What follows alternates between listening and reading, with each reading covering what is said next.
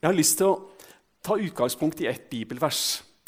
Og så skal vi dvele mest med første Korinterbrev og avslutte med et vers i Matteus evangelium også. Men, men, å ta utgangspunkt i apostlenes gjerninger.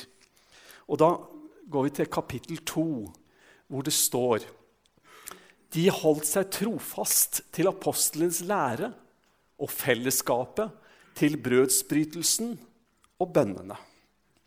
Dette var noe av de tingene som holdt menigheten liksom, engasjert. Dette, dette holdt de fast ved. Dette skjønte de var viktig. Dette gjorde de. Og, og dette ble de opplært til å sette høyt på sin dagsorden. Og, og, Da nevnes altså disse fire som vi av og til kaller for de fire b-ene. Brodersamfunnet, og eh, bønnene og Bibelen. Undervisninga. Så tror vi at uh, dette er noe som vi får lov til å fortsette med. Jeg nevnte syv ting som, som, jeg skal komme inn på. Jeg skal bare lese det i full fart og skal jeg stoppe for hver enkelt av dem. Og det er at Nattverden er et minnemåltid. Det er en enhet med Jesus, det er en enhet med hverandre. Det er eksklusivitet i det at det bare er én Gud. Det er en avgjørelse som ligger til grunn. Det er en tid for selvransakelse. Det er evangelieforkynnelse. Og så er det dette med forventning inntil han kommer. Vi leste fra 1. Korinterbrev i forbindelse med at vi delte nattverd med hverandre. Og det skal jeg få lese igjen fra vers 23, hvor det står I den natt da Herren Jesus ble forrådt, tok han et brød, takket brød til og sa:" Dette er min kropp som er for dere. Gjør dette til minne om meg. På samme måte tok han begeret etter måltidet og sa, dette begeret er den nye pakt i mitt blod. Hver gang dere drikker av det, gjør det til minne om meg. Og Det er jo enorme ord. Altså, Paulus har fått en, en spesiell åpenbaring. Han har sikkert blitt fortalt om det også av de andre apostlene. Men jeg tror han har fått en spesiell åpenbaring det er det som ligger til grunn når han sier eh, om at eh, det som han har mottatt, gir han videre. Det som Herren har gitt til han, deler han videre med sine lesere og med oss i dag. Og så peker han på det som skjedde. Og han peker på det som skjedde på nadværssalen, men så peker han videre bortover mot det fullbrakte verket. Det er et minnemåltid der vi får minnes Jesus. Jeg har funnet et fint lite bilde som jeg synes på mange måter illustrerer noe. Du ser disse kvinnene som står der ved den tomme graven, steinen som er blitt rulla bort, og så ser du korsene der i bakgrunnen. Og kunstneren som har malt dette, har på en måte hatt et ønske om å formidle noe til oss om både Jesu verk på korset og oppstandelseskraften som er virksom. Og dere, jeg tror at det skjedde noe den fredag ettermiddagen da Jesus ble korsfesta. Jeg tror det skjedde mer enn det jeg kan fatte og begripe. Jeg tror evangeliet om, om forsoningen er dypere enn det jeg har klart å, å, å, å, fatte. Men det ligger noe der som fyller hele meg med, med nesten en sånn dirrende jeg føler virkelig jeg står på hellig grunn når vi snakker om, om, om korset, om evangeliet, når vi minnes både hvem Jesus var, sann Gud fra evighet av, født inn i menneskeslekten, levde sitt hellige, fullkomne liv, men ga avkall på alt. Han gjorde det da han forlot himmelen, kommer inn og blir født inn i menneskeslekten. Men han gjør det kontinuerlig gjennom hele sitt liv. Og det ender med at allmaktens hender blir spikra fast på korset. Det skjedde noe den fredagen, det som vi kaller langfredag. Og dere, når vi går gjennom det som skjedde, hvilket ikke vi skal gjøre nå Men, men når det avsluttes Når det avsluttes med at vi hører hvordan han roper 'Det er fullbrakt'. Far, i dine hender overgir jeg min ånd. så er det noe som har skjedd. Og Det nye testamentet forklarer det litt mer for oss. Når eh, vi får lese om at eh, egentlig så var det ikke bare Jesus som ble korsfesta den dagen. Men vi får lese om at skyldbrevet som gikk oss imot, ble nagla fast til korset. Og når jeg leser en sånn setning som det, og, og, og går og tenker på det, og leser bøker og kommentarer og prøver å forstå ordene, så kjenner jeg det griper meg så kolossalt. Altså skyldbrevet, altså dommen, det som sier at jeg er skyldig. Det som, det som taler om forkastelse og fordømmelse. Det som taler om, om alt dette vonde og dette som vi har gjort oss fortjent til. Og så står det at det ble nagla fast til korset.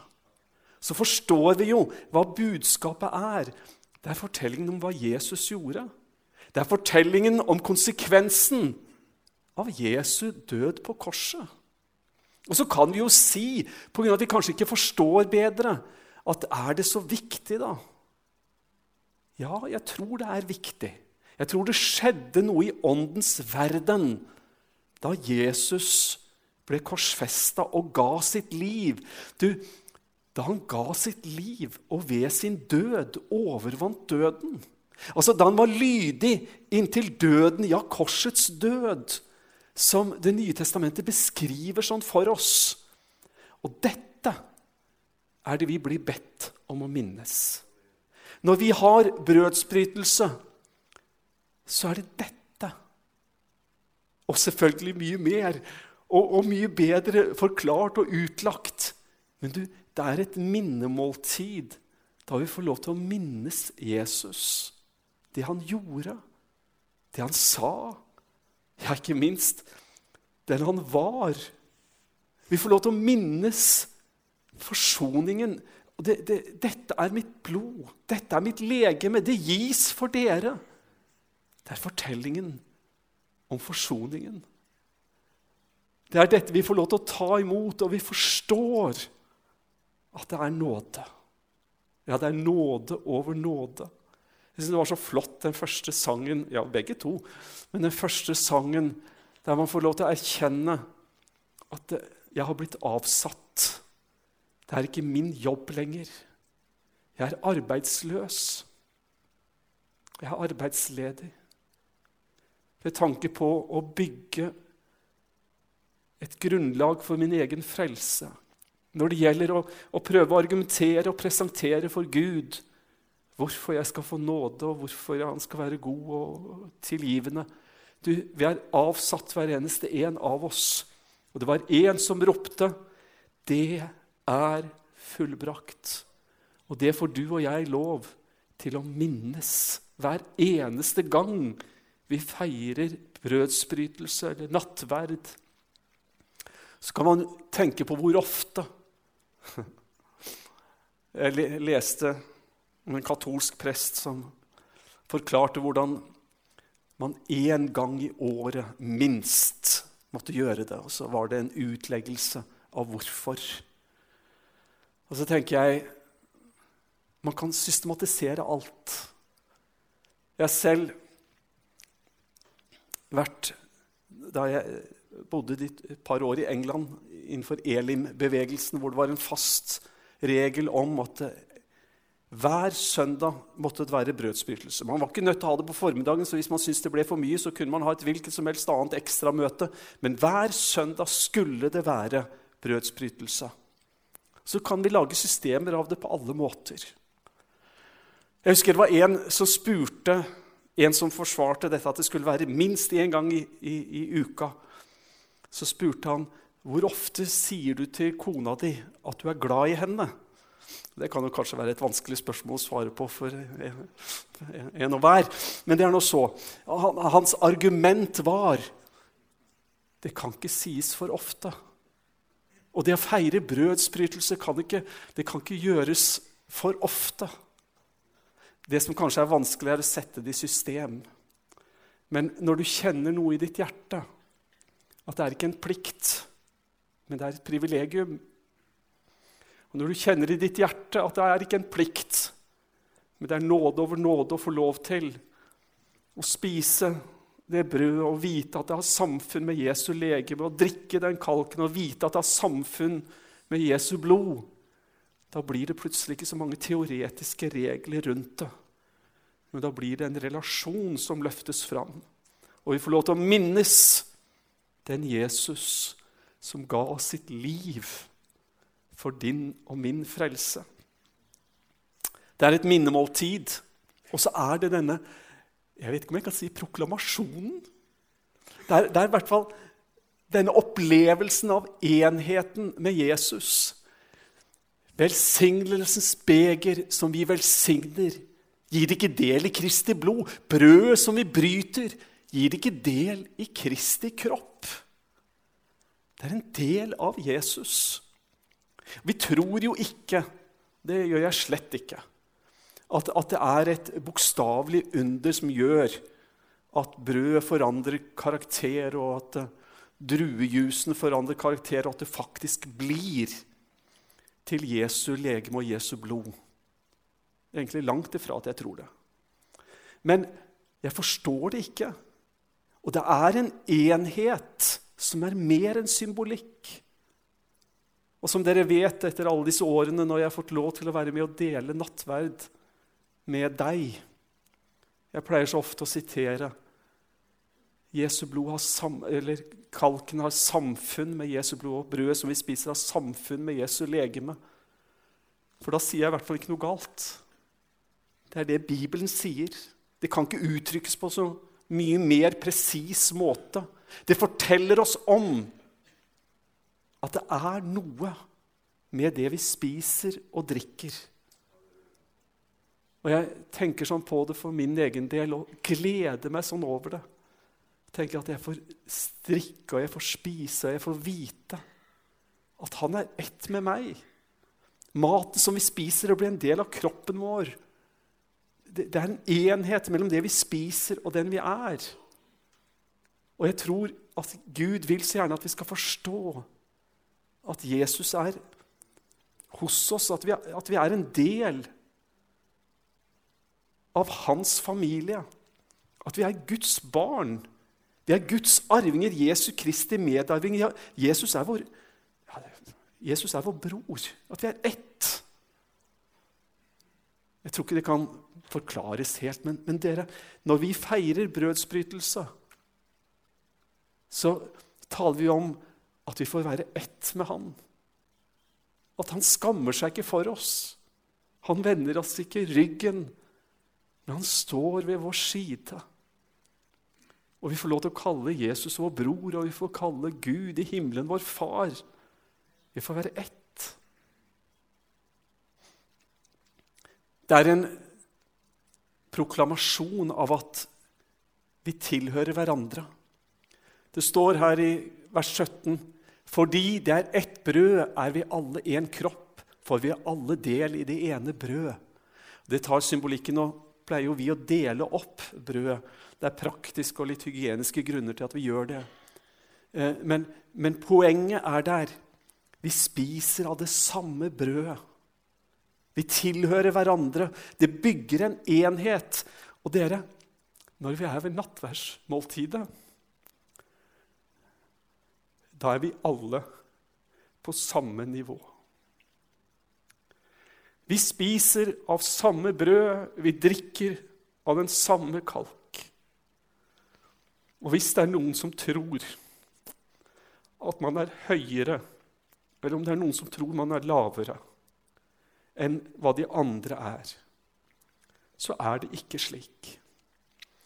Det er en gang når vi møtes alle sammen på det aktig samme nivå. Det er hver eneste en av oss vi har bare én ting å holde oss til, og det er at vi er syndere frelst av nåde. Og Der får vi stå. Der får vi stå sammen. Og Der får vi være med og løfte hverandre, oppmuntre hverandre, bære hverandres byrder. Der får vi lov til å være en søster og en broder skare som er på vei mot samme mål. Det er en forkynnelse av at i Kristus er det ingen forskjell, men vi er alle elska like høyt, like fullkomment, like evig, og at Jesu verk på korset, det gjorde han like fullt for hvert eneste menneske av oss. Det er en enhet i Kristus, der vi får lov til å oppleve den fred og den styrken og det fellesskapet som skal være de helliges samfunn. Og du Der får vi lov til å møtes som ufullkomne mennesker i oss selv, men likevel så fullkomne som det går an. Og Vi skjønner jo hva vi mener med det. og Det er bare erkjennelsen av at hos oss så kom vi til kort. Vår egoisme og alt dette greiene, det ligger der. og Helliggjørelsesprosessen tar så lang tid av og til. Det tar så fryktelig lang tid av og til. Men like fullt, ved nattverdsbordet, så står vi som de som er verdige til å ta imot. For Jesu Kristi Guds Sønns blod, det renser ifra all synd.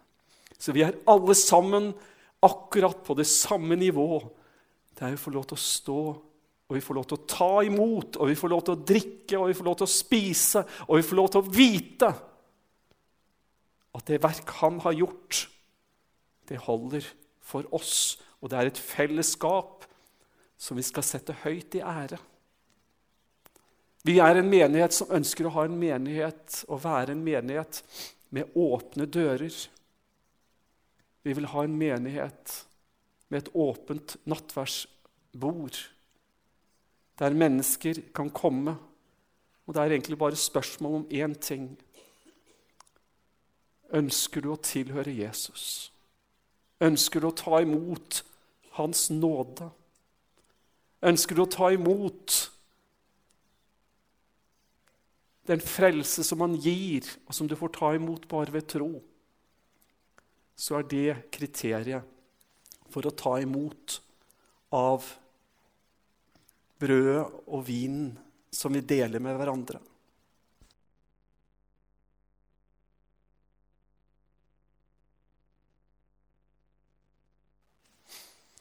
Nattverdsbordet. Der, der, står det noe i 1. Korinteren kapittel 10. Og eh, Jeg må lese det, for det taler litt om dette med det eksklusive. Det står der i vers 21.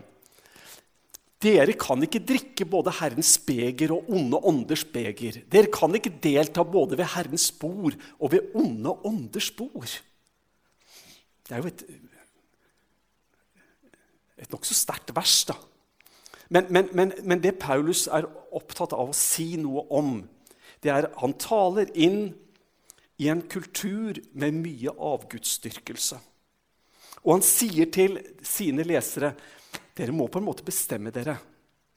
Fordi at det, troen på Gud det, det, lar seg ikke forene med troen på mange guder.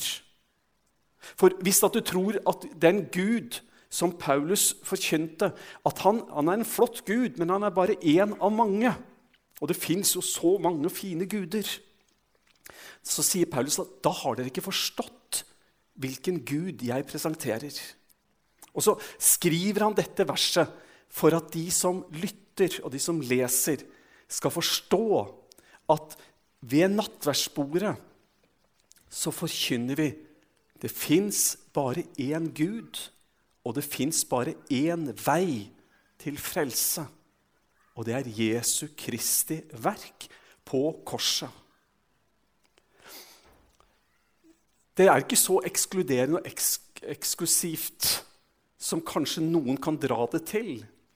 For jeg tror Guds nåde er veldig stor når det gjelder vår evne til å forstå.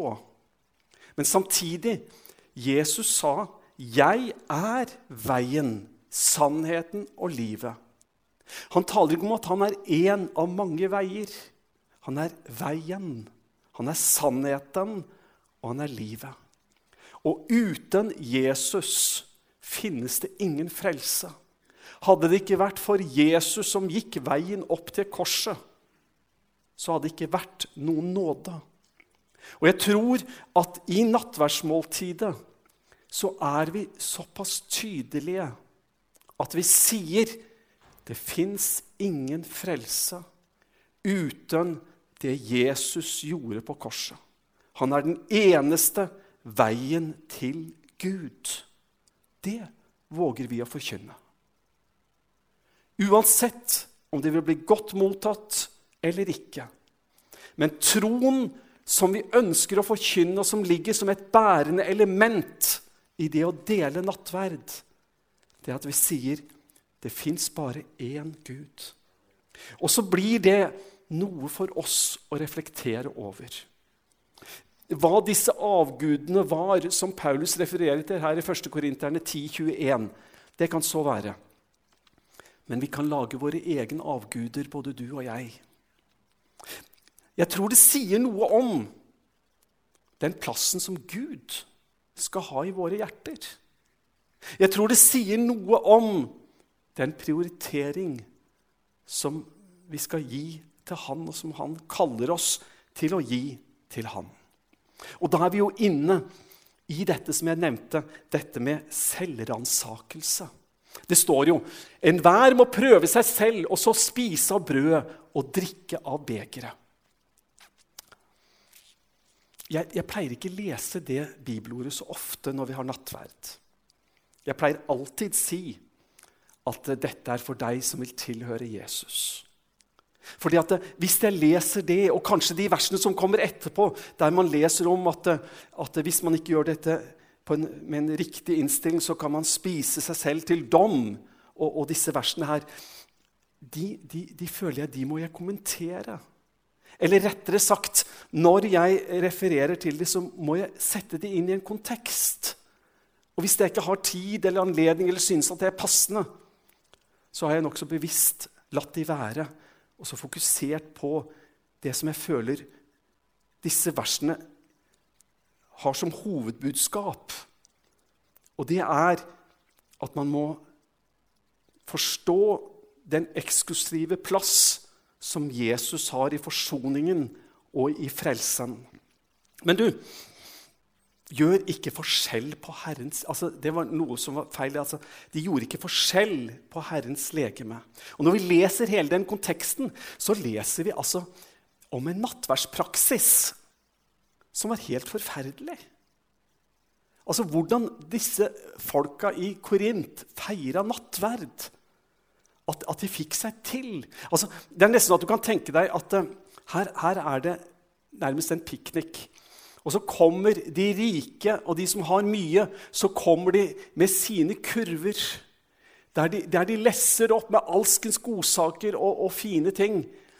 Og så sitter de der, og de sitter, og de spiser, og de drikker. Og jo mer de spiser, jo mettere blir de, og jo mer de drikker, jo fullere blir de. Og dette, dette, dette er jo et måltid som går over alle grenser. Og det i seg selv, som jeg nevnte, er jo ille. Men det virker som at det som var enda verre, det var at der sitter de fattige. Som ikke har noen ting. Og de sitter og de ser på de andre i anførselstegn feirer nattverd. Og Paulus skriver i den sammenhengen at dere feirer ikke nattverd. Kanskje dere tror at dere har nattverd, at dere eh, feirer Herrens måltid. Men det gjør dere ikke. For det er så fundamentalt annerledes enn det måltidet som Herren innstiftet, at, eh, at det har ingenting med nattverd å gjøre. Kortversjonen av det jeg skal fortelle, det skal være kortversjonen, for jeg har fortalt det før. Men jeg husker jeg var invitert en gang, og så ble det servert. Og Kjell Eriksen, som var evangelist i Sandnessjøen, og jeg var der ute. Det var i 1978. Og Vi gleda oss til et godt måltid. Og så fikk Kjell mat. Og så tenkte jeg nå er det min tur snart. Og så fikk Kjell mat en gang til. Det var noe gratinert som kom fra ovnen, så jeg tenkte at det var kanskje ikke plass til alle tallerkenene inne på en gang. Men snart blir det min tur. Og så gikk det sakte, men sikkert opp for meg at jeg kom ikke til å få noen ting. Og når jeg gikk hjem den kvelden fra disse hyggelige vennene og ikke hadde fått en eneste matbit Og sulten var jeg når jeg kom, og enda mer sulten var jeg når jeg dro. Og når det lang tid etterpå gikk opp for meg at når jeg kom dit, så spurte de om jeg ville ha kaffe. Og så sa jeg nei takk, jeg vil ha vann. Ja, men vil du ikke ha noe te? Nei takk, jeg vil ikke ha noe te. Og når jeg skjønte at disse kjære, gode nordlendingene mente noe annet enn te som man drikker når de spurte om ikke jeg ville ha noe inntil, ville jo jeg sagt på norsk. Og så, og så ble jo for så vidt uh, misforståelsen oppklart. Uh, de ville jo så gjerne gi meg mat, men når jeg nå en gang ikke ville ha noe te, så fikk det nå bli sånn. Men, men, du, følelsen av å sitte der og ikke få mat altså, Det at jeg var sulten, gjorde ingenting. Men den følelsen at Kjell får mat og de andre sitter og spiser. Men jeg får ingenting. Det er en fantastisk opplevelse. Altså, det er noe jeg unner ethvert menneske for den følelsen. Å, å bli behandla på en sånn måte. Og så sjokkerende. Og sånn kunne man holde på når man feira nattverd i Korint. For der var det de rike som fikk, og de fattige fikk ingenting. Og, og, og og Paulus taler til oss nå må dere ransake dere selv. Åssen er det dere feirer? Og bare et sånt bilde av noen som sitter og drikker og skåler og sitter der fulle og elendige. Vi syns det er så uverdig. Jeg tenkte, Kan jeg ta et sånt bilde når jeg snakker om nattverd? Jeg, jeg syns det er en skam. Jeg syns det er både synd og skam. Og det er vel akkurat det det er. Bokstavelig talt. Og sånn var det de feira nattverden i Korint. Jeg skal ikke si at alle var like uh, delaktige, men når Paulus beskriver nattverdspraksen i Korint, så beskriver han det på den måten. Og så skriver han, ikke sant For når dere spiser, holder hver og en av dere måltid for seg selv. Den ene er sulten, den andre drikker seg full. Har dere ikke hus, så dere kan spise og drikke hjemme? Som om det skulle være noe bedre, hadde jeg nær sagt. Men det var visst det, da. Han taler til dem. Nå må dere ransake dere selv. Han utfordrer dem og sier dere kan ikke holde på sånn. Dere kommer til å spise og drikke dere til dom over den måten å være på. Jeg vokste opp med at eh, når jeg skulle granske meg selv, så var det å gå gjennom livet mitt og for all del prøve å huske på hva jeg hadde gjort for, som var galt, og som jeg måtte be Gud om tilgivelse for. Jeg leste, jeg leste om én. Han hadde ei, ei, ei, lekse. Han begynte med å bekjenne synden for hele kloden. For vi har jo alle synder og, natur og alt. Så han bekjente den synden, og så bekjente han for oss mennesker. Og så bekjente han for landet sitt. Vi er jo en del av, av, av, av en nasjonalitet. Og så bekjente han synd og ba om tilgivelse for byens vegne. Og så var det for, for, eh, for, familien sin, og så endte det opp med at han bekjente sine synder. Og så ble det altså bare et fokus på synd og elendighet. Og alt som skulle bekjennes og gjøres opp. Og, og selv Jeg husker hvor vanskelig det var for meg å våge å ta nattverden, for jeg følte meg aldri verdig nok. Følte aldri at det, det der var noe for meg. Eh, I katolsk sammenheng så, så, så man i middelalderen at det var mer og mer vanlig at folk aldri gikk til nattverd, men de fikk lov til å se på. Og noe av tradisjonen ved å løfte opp brød og løfte opp kalken, det er at folk skulle få lov til å se. Så de som ikke var verdige nok til å ta del, de kunne se. Og så kunne det kanskje være en velsignelse i det. Da kunne man håpe. Men evangeliet er så annerledes. Det er ikke sånn at vi trenger å stå der på sånn veldig avstand. Det er, ikke, det er ikke sånn at vi må granske oss selv til det uendelige og aldri er gode nok. At vi er gode nok bare til å stå og se og betrakte, men ikke å ta del i det. Vi skal ikke granske oss selv på den måten, men vi får lov til å se hvilket fundament vi står på. Og så får vi lov til å se at spørsmålet er egentlig ikke mest Og jeg tror jeg kan si det sånn, i hvert fall bestemte jeg meg for å si det sånn, som jeg nå gjør. Faren er ikke først og fremst at ikke vi er gode nok. Men faren er først og fremst at vi er for gode. At, at vi regner oss selv som mer berettiget og at vi skulle mer sitte sammen med de rike, de som har alt. Og nå snakker jeg ikke først og fremst om materiell rikdom, men vi kan være der og ta del i det. Og så kan vi kaste et blikk ned på de andre som ikke er så gode som oss. Jeg tror vi trenger å granske oss selv for at ikke vi har den type holdninger. For det var de holdningene som Paulus talte imot i Korinterbrevet når han taler om at man skal granske seg selv. Hvis du leser dette i sin sammenheng, så er det veldig tydelig. Det er ikke det at vi skal bygge et fundament og passe på at jo, vi, vi har klart å holde oss innafor.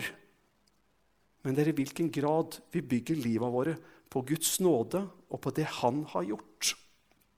Et par ting nokså raskt mot slutten. Evangelieforkynnelse. For hver gang dere spiser av dette brødet og drikker av begeret forkynner dere Herrens død inntil Han kommer. Dere, jeg får lov til å dele Guds ord i menigheten ofte. Jeg får lov til å være hovedpredikant. Og når vi har hatt brødsbrytelse, så pleier jeg alltid tenke Ja, kanskje ikke alltid, men omtrent alltid. da. I dag talte jeg godt.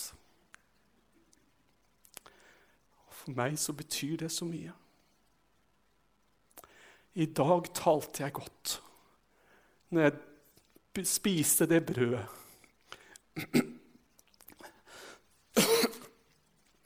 Og drakk den druejusen.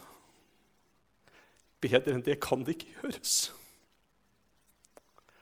Jeg har fått sagt noe om at Jesus han døde for meg så jeg har fått sagt noe om at han oppsto, for det er spist og drukket i en kontekst inntil han kommer.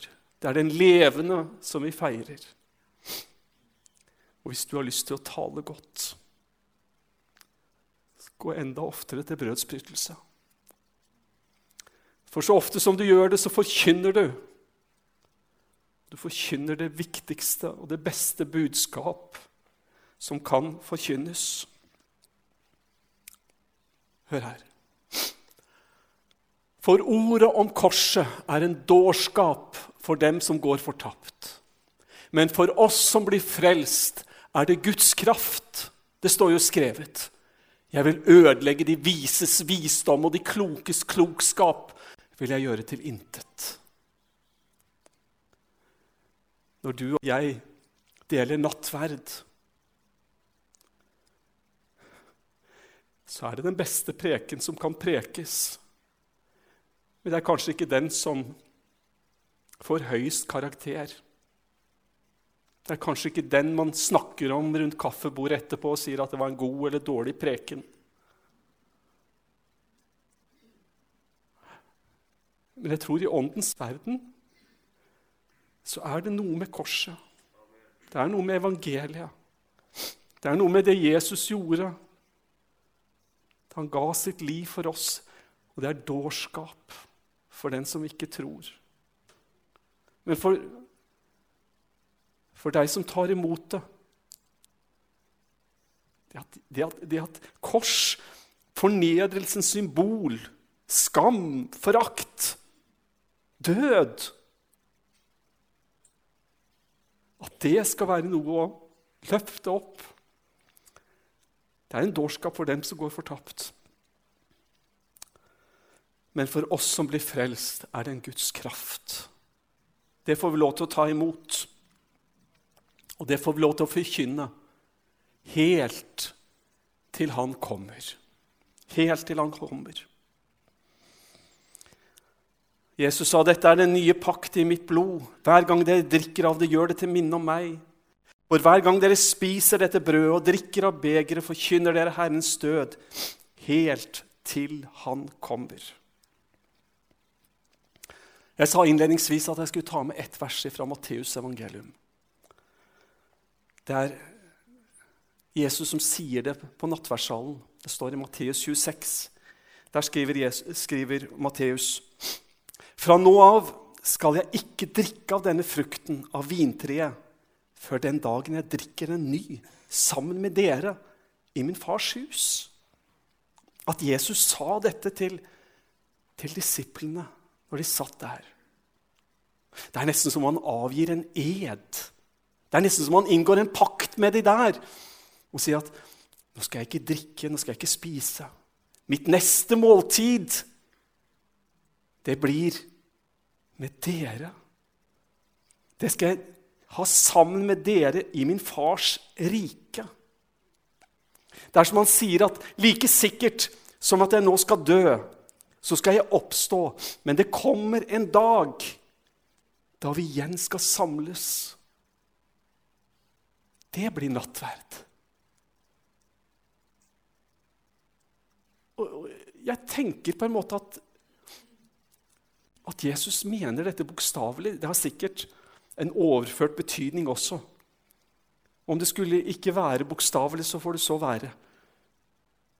Men siden jeg trenger å ha det litt enkelt oppi mitt hode, så, så tenker jeg at når Han er kommet når, når freden er kommet, når ondskapen har nådd sin fylde, og det er slutt på all ondskap, så skal det bli et nattverdsmåltid igjen. Jeg tenker mitt, min, på min enkle måte at den dagen så er det igjen Jesus som står og deler ut. Jeg vet ikke om han kommer til å si brød som du spiser, har samfunn med mitt legeme. Ja, det vet jeg ikke. Men det er, det er et fellesskapsmåltid, det er en forkynnelse. Og han sier til disiplene for at de skal forstå det kommer en dag. Vi skal spise det igjen. Johannes han skriver det sånn. Og jeg så, jeg ser Guds bolig er hos menneskene. Han skal bo hos dem, og de skal være hans folk, og Gud selv skal være hos dem. Han skal være deres Gud. Han skal tørke bort hver tåre fra deres øyne, og døden skal ikke være mer. Heller ikke sorg eller skrik eller smerte. For det som en gang var, er borte. Det er et nattverdsmåltid som venter Guds folk. Det var nåde i dag når vi fikk ta del og dele nattverd med hverandre.